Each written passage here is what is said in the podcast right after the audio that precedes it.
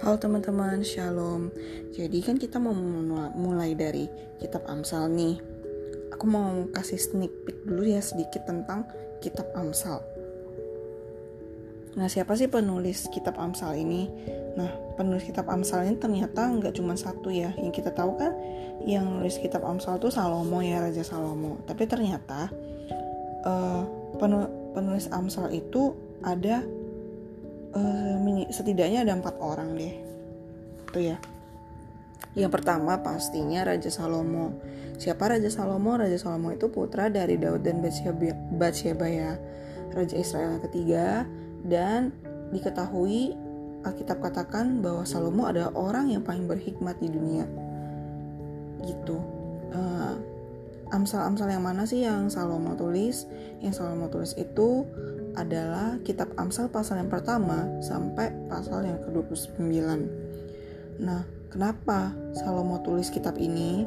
Setelah nanti kita baca, kita akan lihat uh, kita akan tahu Salomo menulis, menuliskan ini untuk kayak membandingkan loh kayak memberikan perbandingan atau memberikan perbedaan kebodohan manusia dan hikmat Allah. Nah, dari situ nanti Salomo akan menghimbau kita, akan memberikan kita uh, gambaran bagaimana cara manusia untuk bisa mengejar hikmat daripada Allah tadi.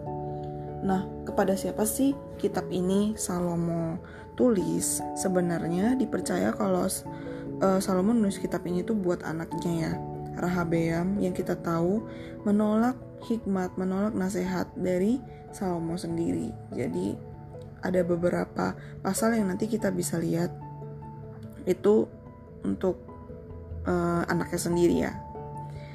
Nah, itu penulis yang pertama. Terus penulis yang kedua siapa?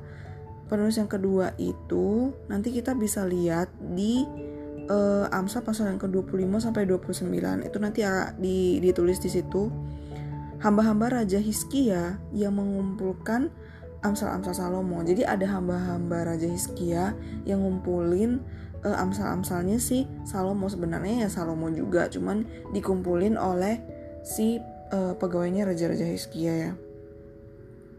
Nah, uh, untuk siapa kitab ini ditulis? Kayaknya sih bukan kayaknya ya, tapi emang buat orang Israel untuk ngatur kehidupan orang Israel yang waktu itu uh,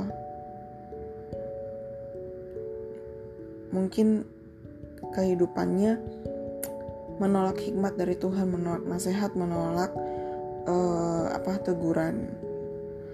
Kemudian penulis yang ketiga, penulis yang ketiga itu Agur bin Yake.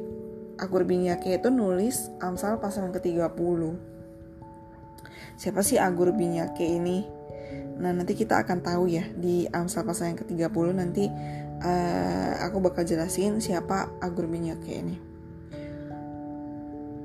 Kenapa Agur bin Yake nulis kitab Amsal ini yang pasal yang ke-30?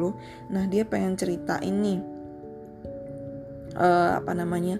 kayak kekekalan dari Tuhan, kejahatan manusia, terus kayak ada cerita-cerita tentang alam lah. Dia kayak tahu uh, segala sesuatu tentang alam. Kayak ada filosofinya gitu loh. Terus uh, nanti di situ kita juga bisa lihat uh, bagaimana uh, kita bisa belajar bagaimana untuk memiliki rasa cukup. Nanti ya di Amsal pasal yang ke-30 terus penulis yang keempat itu Lemuel. Uh, Lemuel. Lemuel ini dipercaya adalah nama lain dari Raja Salomo. Nah, ada yang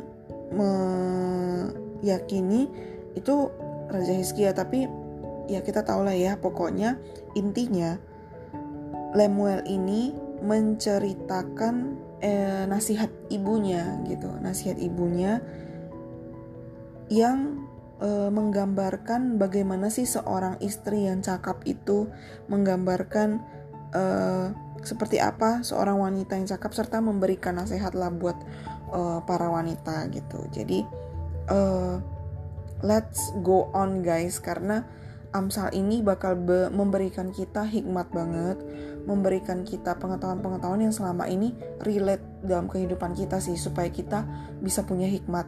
Uh, maafin aku kalau misalkan aku ngejelasinnya atau kayak dapat remanya tapi nggak bisa menjelasinnya kepada kalian. Tapi aku percaya uh, rema yang kita dapetin dari Roh Kudus kita punya Roh Kudus Roh Kudus akan menceritakan atau menggambarkan atau me, apa ya menjelaskannya kepada kita itu secara berbeda yang pastinya kita sendiri bakal paham gitu. Aku cuman bisa kasih kayak gambaran yang aku dapetin per pasal, ayat-ayat spotlight yang aku dapetin, tetapi aku percaya rema dari Tuhan itu kepada setiap orang pasti beda-beda dan rema yang kita dapetin pasti memberkati kehidupan kita karena ini firman Tuhan dan kita harus dapetin apa yang pasti di firman Tuhan itu terkandung janji Tuhan, perintah Tuhan buat kita jalanin.